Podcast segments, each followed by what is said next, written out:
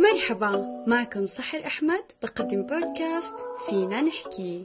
صباح الخير كيف الحال؟ إن شاء الله كل شي تمام.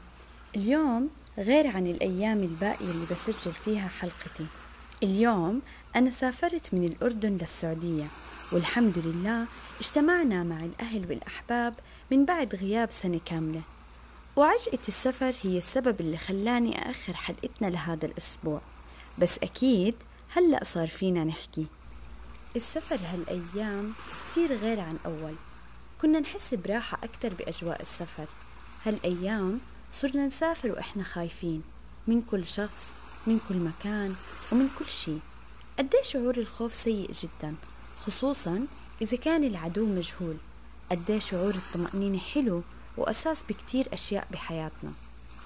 بصراحة اللي قال تكفينا الطمأنينة لا نحتاج سعادات عارمة. اختصر كل الأشياء اللي محتاجها إنسان من إنسان تاني. شو ما كانت نوع العلاقة اللي بتربطهم ببعض؟ ما في شعور أجمل من إحساس الأمان. كتير مرات بندور على الطمأنينة أكثر من الحب. بندور عن الشعور بالأمان على الاحترام والتقدير. حتى مرات كتير بندور على الاهتمام اللي بيجي بدون طلب. يمكن أكتر شي بطمني دايما وجود أهلي حوالي.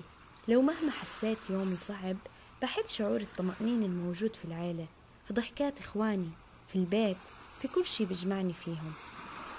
واحدة من أهم وسائل الطمأنينة بهذا العالم إنه الله دايما بيعرف. الحياة يمكن ما كانت عادلة معك من قبل ويمكن ما حققت لك يلي عم تسعى إله من سنين. بس الله موجود بيعرف وشايف إنك عم تتعب وتحاول وتجرب. فبالوقت المناسب رح يصير يلي بدك إياه. المهم تضلك عم بتحاول. أنا ما بعرف حدا منكم بس مؤمنة تمام الإيمان إنك قوي كفاية لتتخطى هاي الأيام بسلام. وخليك واثق إنه رح يمضي. شو ما كان يلي عم بتمر فيه رح يمضي بإذن الله. دمتم بخير.